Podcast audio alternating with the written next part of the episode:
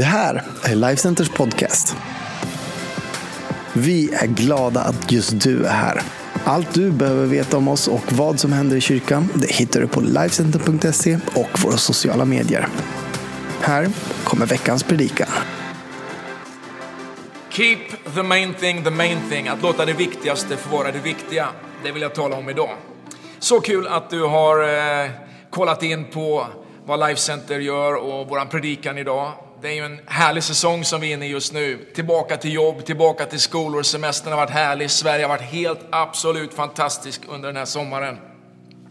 Och jag hoppas att du har haft en riktigt bra sommar du med.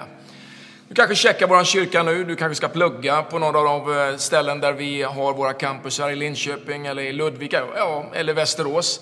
Ehm, det är härliga kyrkor som vi får presentera för dig på de här platserna. Och känn dig varmt välkommen att bara eh, haka på, kolla vilka vi är och ställa alla de härliga frågor som man brukar göra när man kommer till en ny stad och en ny plats. Söker också en ny kyrka, kanske utifrån ett eh, arbetsflytt eller kanske för att du har hittat tron på Jesus den här sommaren så vill vi också vara en kyrka för dig. Den här sommaren så har jag läst mycket och en av de eh, böcker som jag har läst heter egentligen eh, One thing. Och det handlar om att det här viktigaste i livet ska få vara det viktiga. Att hur, liksom på något sätt, hur, hur, hur lever man ett sunt och ett fräscht liv där man prioriterar rätt?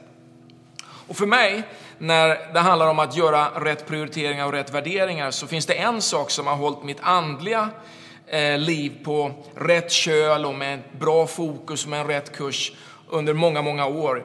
Och det är att föra en andlig loggbok. I över 30 år så har jag fört någon form av liksom andlig dagbok där ja, vissa tider så har jag varit mer fokuserad på det och kanske släppt det vissa tider. Men det har alltid kommit tillbaka till just det här hur viktigt det är för mig att på något sätt ta ansvar för mitt andliga liv. Det får mig att läsa Bibeln kontinuerligt, det får mig att reflektera över det jag läser och framförallt behöver jag ett system för mig som inte blir komplicerat. För det hjälper mig att vara kontinu alltså, ha kontinuitet i det som är mitt andliga liv. Och det ger mig ett bra perspektiv när Gud svarar på mina böner och några av de anteckningar som jag skriver. Jag skulle vilja uppmuntra dig att reflektera lite över det, att börja liksom föra en andlig loggbok. Utifrån det här så vill jag hjälpa dig idag med någonting som faktiskt kopplar med det här. Om att ta ansvar för sitt andliga liv Bibeln, den ger dig rätt insikter. Nu har jag en stor bibel här idag och jag har liksom börjat på en ny bibel för jag, den har gått om plats för anteckningar och jag kan anteckna mycket liksom i, i, i sidan av texten. Och det är ett sätt för mig, eftersom det här också är ett arbetsredskap för mig. Men Bibeln, den, den hjälper mig med insikter om hur jag prioriterar det som är det viktigaste. Ja, keep the main thing the main thing. Och jag skulle vilja idag med mitt lilla nybrutna eh, ben som jag har lyckats med i sommar och med min, min plastdoja som jag har fått på mig hjälpa dig att utifrån bibeltexten i Filipperbrevets första kapitel ta några steg om hur du kan låta det viktigaste vara det viktiga. Och vi ska läsa de här verserna i första eh, kapitlet i Filipperbrevet från vers 3 och fram till vers 14 och där står det så här. Jag tackar min Gud var gång jag tänker på er. I alla mina böner för er alla ber jag alltid med glädje, eftersom ni har varit med mig i arbetet för evangeliet från första dagen och ända tills nu. Och jag är övertygad om att han som har börjat ett gott verk i er också skall fullborda det till Kristi dag. Det är inte mer än rätt att jag tänker så om er alla, för jag har er i mitt hjärta. Både när jag bär bojor och när jag försvarar och befäster evangeliet så delar ni alla nåden med mig. Gud är mitt vittne att jag längtar efter er alla med Kristi Jesu ömhet. Min bön är att er kärlek ska överflöda mer och mer och ge insikt och gott omdöme så att ni kan avgöra vad som är viktigt och vara rena och fläckfria på Kristi dag, rika på rättfärdighetens frukt som Jesus Kristus ger Gud till ära och pris. Jag vill att ni ska veta bröder att det som har hänt mig snarare har lett till framgång för evangeliet. Det har nu blivit klart för hela pretoriet och alla andra att det är för Kristi skull jag sitter fängslad. Och min fångenskap har gjort de flesta av bröderna så övertygade i Herren att de vågar predika Guds ord ännu mer oförskräckt. Ska vi be tillsammans? Herre, jag bara tackar dig för att du vill lysa på ditt ord idag. På det sätt som bara du kan göra genom din heliga Ande. Låt det här få bli liv för oss. Inte bara massa text eller ord, utan att det får bli kraft in i våra liv. Det är min bön för varje person som lyssnar just nu. I ditt, i ditt mäktiga namn Jesus, det, det ber jag. Ja, jag hittar några sammanhang här. Om jag skulle gruppera det här vi har läst, de här 14 verserna, de första 14 verserna, så ser jag att det finns liksom tre, tre eh, kluster av, av, olika sanningar och texter som jag skulle vilja lyfta för dig. Så det första jag skulle nämna och lyfta fram, det är det som vi läser om i de första verserna mellan 3 och 6, om att vara trogen sin församling. Och det är min första punkt idag, att vara trogen din församling. När Gud kallade mig som 14-årig kille eh, att ge allt för honom och att följa honom så var det någonting som omedelbart slog mig. Och det var att det handlade om hans församling. Varför? Varför är det så? Och varför var det så för mig? Och jag tror att det finns några enkla förklaringar på det. Det första är egentligen det här att församlingen är det enda som Jesus har sagt att han ska bygga. Församlingen är också det enda som Jesus själv säger att han ska hämta hem när han kommer tillbaka för oss som tror på honom. Församlingen är också från starten den gemenskap som de troende samlades i och som Gud genom Jesus kallade dem att samlas i och som den heliga ande förde dem samman i. Församlingen, säger Guds ord, är det enda som på ett riktigt sätt kan stå emot helvetets portar. Församlingen beskrivs som Jesu brud, hans eh, trolovade, någonting oerhört vackert och någonting oerhört älskat. Församlingen är viktig för mig och församlingen bör vara viktig för dig som en efterföljare till Jesus. Därför att de som samlas i församlingen samlas kring någonting som är mycket starkare än sin egen brist, än sin egen svaghet. Vi kommer med allt det vi är och allt det vi bär på till kyrkan. Och i den gemenskapen med våra svagheter så hittar vi någonting som är starkare än vår egen svaghet. I församlingen så kan vi också mötas för att tillbe den som har makten att både hantera och radera ut det som har fördärvat ditt liv och det som har fått dig faktiskt att missa det mål som handlar om att Jesus Kristus, det är gemenskapen du längtar efter. Synden som har fördärvat ditt liv har Jesus makt att radera makten över.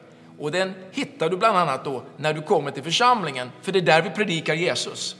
Församlingen är också en gemenskap född av Gud. Den är född i ande och den är född i kraft. Under många år så har jag haft förmånen att få resa över hela världen och jag har sett samma fenomen överallt dit jag kommer.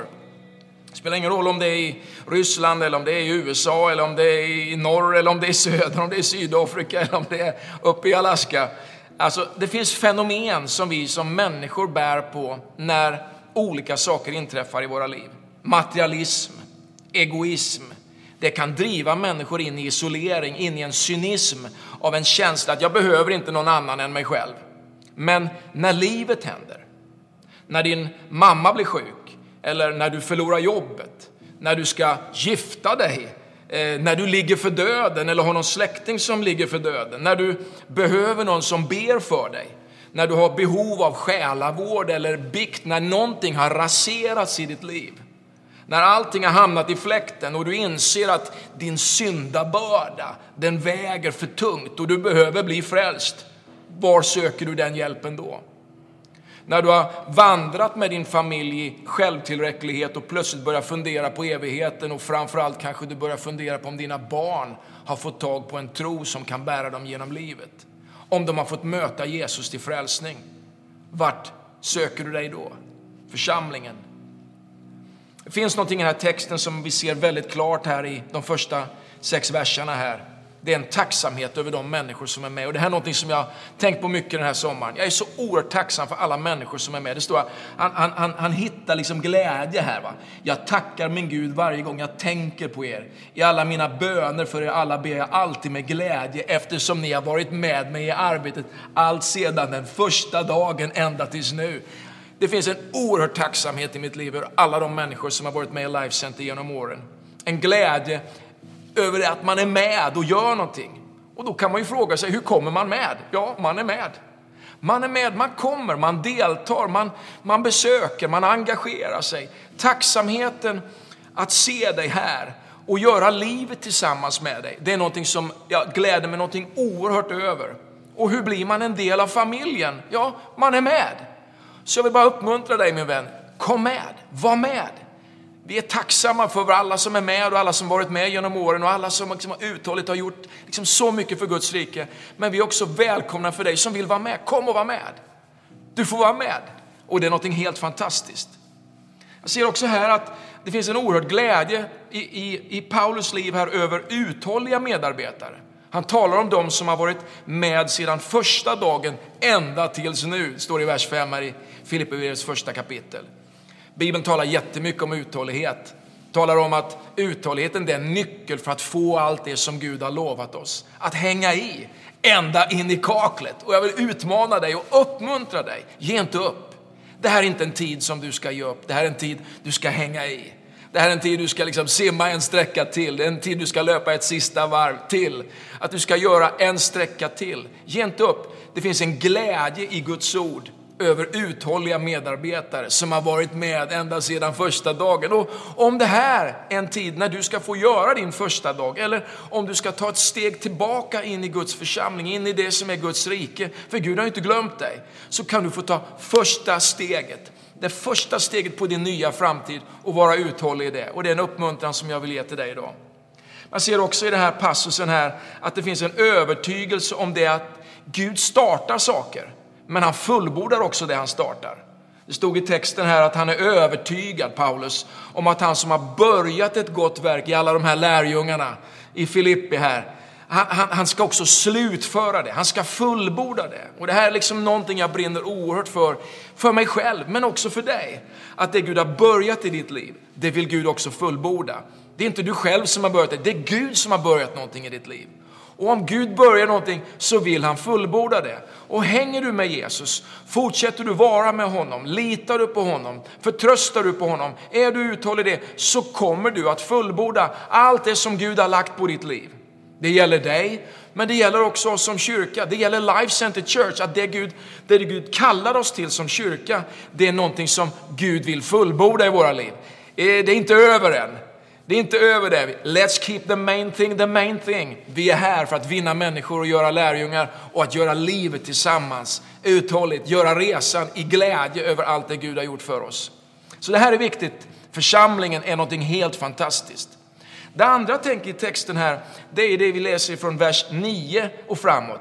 Han säger så här, min bön är att er kärlek ska överflöda mer och mer varför då? Jo, så står det i vers 11 här, så att ni kan vara rena och fläckfria på Kristi dag på rättfärdighetens frukt som Jesus ska ge dig. Jag tänker på att arbeta med målet i sikte och det är min andra punkt. Kärleken är ju avgörande för att nå fram till det Gud vill göra i dig och genom dig. Du ska sträva efter ett liv som är rent, ett liv som bär rättfärdighetens frukt. Och det är något fantastiskt som Jesus vill ge dig. Rättfärdighetens frukt, alltså konsekvenser av ett liv som väljer att leva för Gud. Det är en god frukt. Ett målmedvetet liv där kärleken till det som Gud gör, det vi kallar för Guds verk, kärleken till det Jesus bygger, hans församling, kärleken till det Jesus vill göra, frälsa en hel mänsklighet, det är någonting som för dig framåt. Alltså att älska det Jesus älskar det skapar någonting i dig. Att leva med kärlek till det som Gud älskar, det är någonting som gör något stort för dig. Och i den här texten så ser vi någonting fantastiskt faktiskt när vi läser det här tillsammans ifrån vers 9 och framåt. Det står så här, min bön är att er kärlek ska överflöda mer och mer och ge er insikt och gott omdöme så att ni kan avgöra vad som är viktigt och vara rena och fläckfria på Kristi dag, rika på rättfärdighetens frukt. Alltså kärleken ska driva oss till liksom ett resultat som är att vi är rena, liksom, rika på rättfärdighetens frukt. Och vägen dit, det är kärleken, att få drivas av kärlek.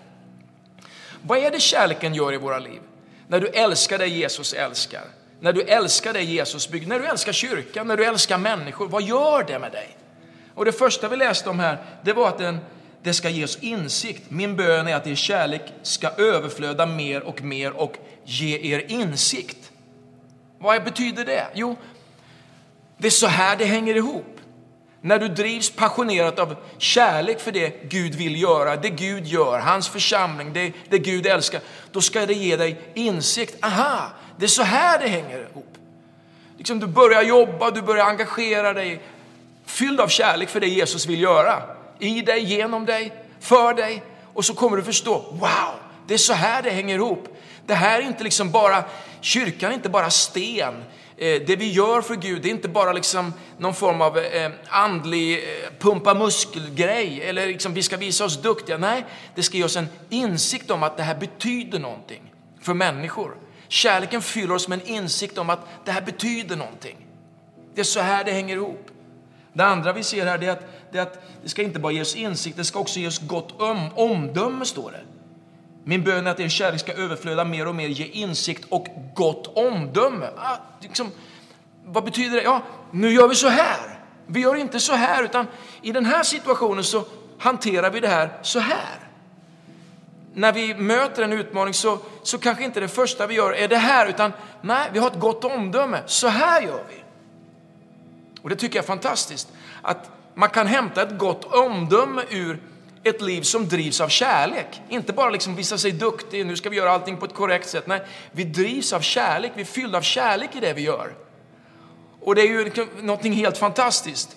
Men så ser vi också här då att det står så att ni kan avgöra vad som är viktigt. Det är den tredje grejen som är ett resultat av att man gör det man gör fylld av kärlek.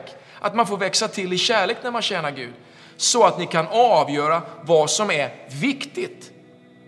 Det är inte allt som skriker högst som är viktigast. Många saker skriker, gör det här, gör det här, eller ta mig, ta mig, fixa det här, fixa det här, nu måste du, nu måste du. Men det är inte allt som skriker högst som är det viktigaste. Och bibeltexten säger att när vi drivs av kärlek så får vi en annan motivbild, vi får en annan drive, vi får ett annat liksom mål i sikte. Vi drivs av kärlek och den kärleken producerar någonting i våra liv som gör att vi kan avgöra vad som är verkligen viktigt. Och det som är viktigt, det är att få älska det Jesus älskar, människor, sin församling, den här världen. Eh, det hjälper dig att prioritera rätt. Det hjälper dig att fatta rätt beslut. Det hjälper dig att fokusera så att du inte behöver jaga efter det som egentligen är sekundärt. Det tredje stycket som jag skulle vilja plocka fram till sist här idag, det är att få leva med en rätt drive, att få, att få leva med ett rätt motiv. Från vers 12 fram till 14 så står det så här. Jag vill att ni ska veta bröder att det som har hänt mig snarare har lett till framgång för evangeliet. Det har nu blivit klart för hela pretoriet och alla andra att det är för Kristi skull som jag sitter fängslad och min fångenskap har gjort de flesta av bröderna så övertygade i Herren att de vågar predika Guds ord ännu mer oförskräckt. Alltså det här är ju också en paradox nästan. Att få leva med rätt drive och rätt motiv. Man skulle kunna egentligen säga så här, vi kan ha framgång oavsett omständigheter. Du kan ha seger oavsett motstånd. Press, en lugn tid, tuffa tider, utmaningar eller tiden när allting liksom bara funkar som att du glider fram på en räkmacka. Det står i vers 12 här att det som har hänt mig har snarare lett till framgång för evangeliet. Alltså Paulus, han sitter i fängelse och så säger han så här, liksom, människor de har förtalat mig, de har baktalat mig, de har kastat mig i fängelse, de, de har dömt mig på förhand, de har orena motiv. Men hej, lyssna, det som har hänt mig har snarare lett till framgång för evangeliet. Det är ett coolt sätt att leva sitt liv som en kristen. Det är ett moget sätt att leva sitt liv som en kristen. Att inte gå i taket för minsta möjliga liksom, svårighet eller till och med de tuffa saker som händer i våra liv. Det är att inte leva oförrättad, känna liksom att man ständigt har rätten att vara förfördelad eller missförstådd och leva i sin bitterhet och i sina sår. Det är en Paulus som säger, hej, det som har hänt mig, det har snarare lett till framgång för evangeliet. Det som har hänt oss och det som händer oss i våra liv, Det kan insatt i ett större perspektiv leda våra tankar rätt. Ibland ger vi nuvarande situation en alltför snabb dom. Du kanske dömer dig själv, du kanske dömer andra, du kanske dömer det som du går igenom just nu alldeles för snabbt. Men om du får ta ett steg tillbaka, fylld av den kärlek som Jesus ger dig, rätt perspektiv, så förstår du att det finns en helt annan utgång av den situationen. Det som har hänt dig, det kan leda till framgång för evangeliet. När människor ser på dig. Och, och det är den andra saken i det här stycket som jag skulle vilja plocka fram. Det står så här. Alla förstår nu, vers 13, att det är för Kristi skull som jag sitter fängslad. Det är alltså Kristus vi tjänar. Vi tjänar inte någon annan människa primärt. Vi tjänar inte ett annat sammanhang. Vi tjänar inte primärt en organisation. Vi tjänar Jesus. Det är Jesus jag följer. Det är Jesus jag tjänar. Det är Jesus som är min Herre. Det är honom som jag ger mitt liv till. Och när jag möter motstånd, när jag möter förtryck, när jag möter faktiskt förföljelse ibland som en kristen, om det är plugget eller på jobbet eller om det är i ett annat land där du kanske, kanske får ge ditt liv, om du egentligen är en öppen eh, kristen, så är det faktiskt så att det som händer, det gör vi för Kristi skull, för att evangeliet ska predikas och för att vi älskar Jesus. Den tredje saken i det här stycket är att det också är en inspiration för andra det vi går igenom. Alltså min övertygelse är faktiskt att det jag kan gå igenom, som kan vara tufft ibland, det är någonting som kan hjälpa andra människor. Det står i vers 14 här, att det har gjort de flesta av bröderna mer övertygade i Herren så att de vågar predika Guds ord mer oförskräckt. Alltså när någon går igenom en tuff sak men hänger i, inte förlorar hoppet, fortsätter liksom ha kärleken till Jesus, fortsätter levas av rätt, liksom ledas av rätt motiv, så är det någonting som inspirerar andra. När man ser andras fight, men också deras genombrott, då inspirerar det andra människor. Det är någonting underbart att få leva ett sånt liv. Min avslutning är den här, och min utmaning till dig. Varför inte testa en tydlig strategi för att flytta fram positionerna i ditt andliga liv?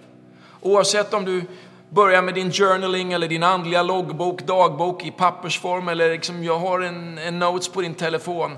Varför inte göra så här? Läs några verser varje dag. Eh, följ kanske en bibelläsningsplan, men läs någonting varje dag och skriv ner några tankar omkring det du har läst.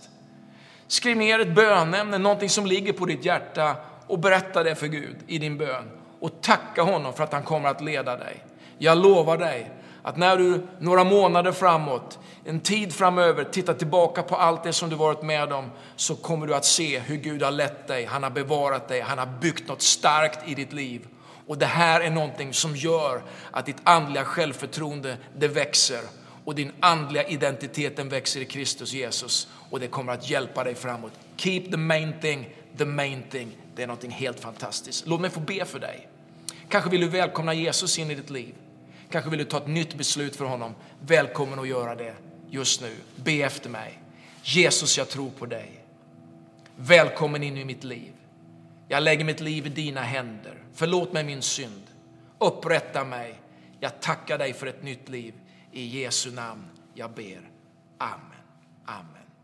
Om du har bett den här bönen, ta gärna kontakt med oss. All information hittar du på vår hemsida och välkommen på våra gudstjänster. Du hittar annan information på sociala medier.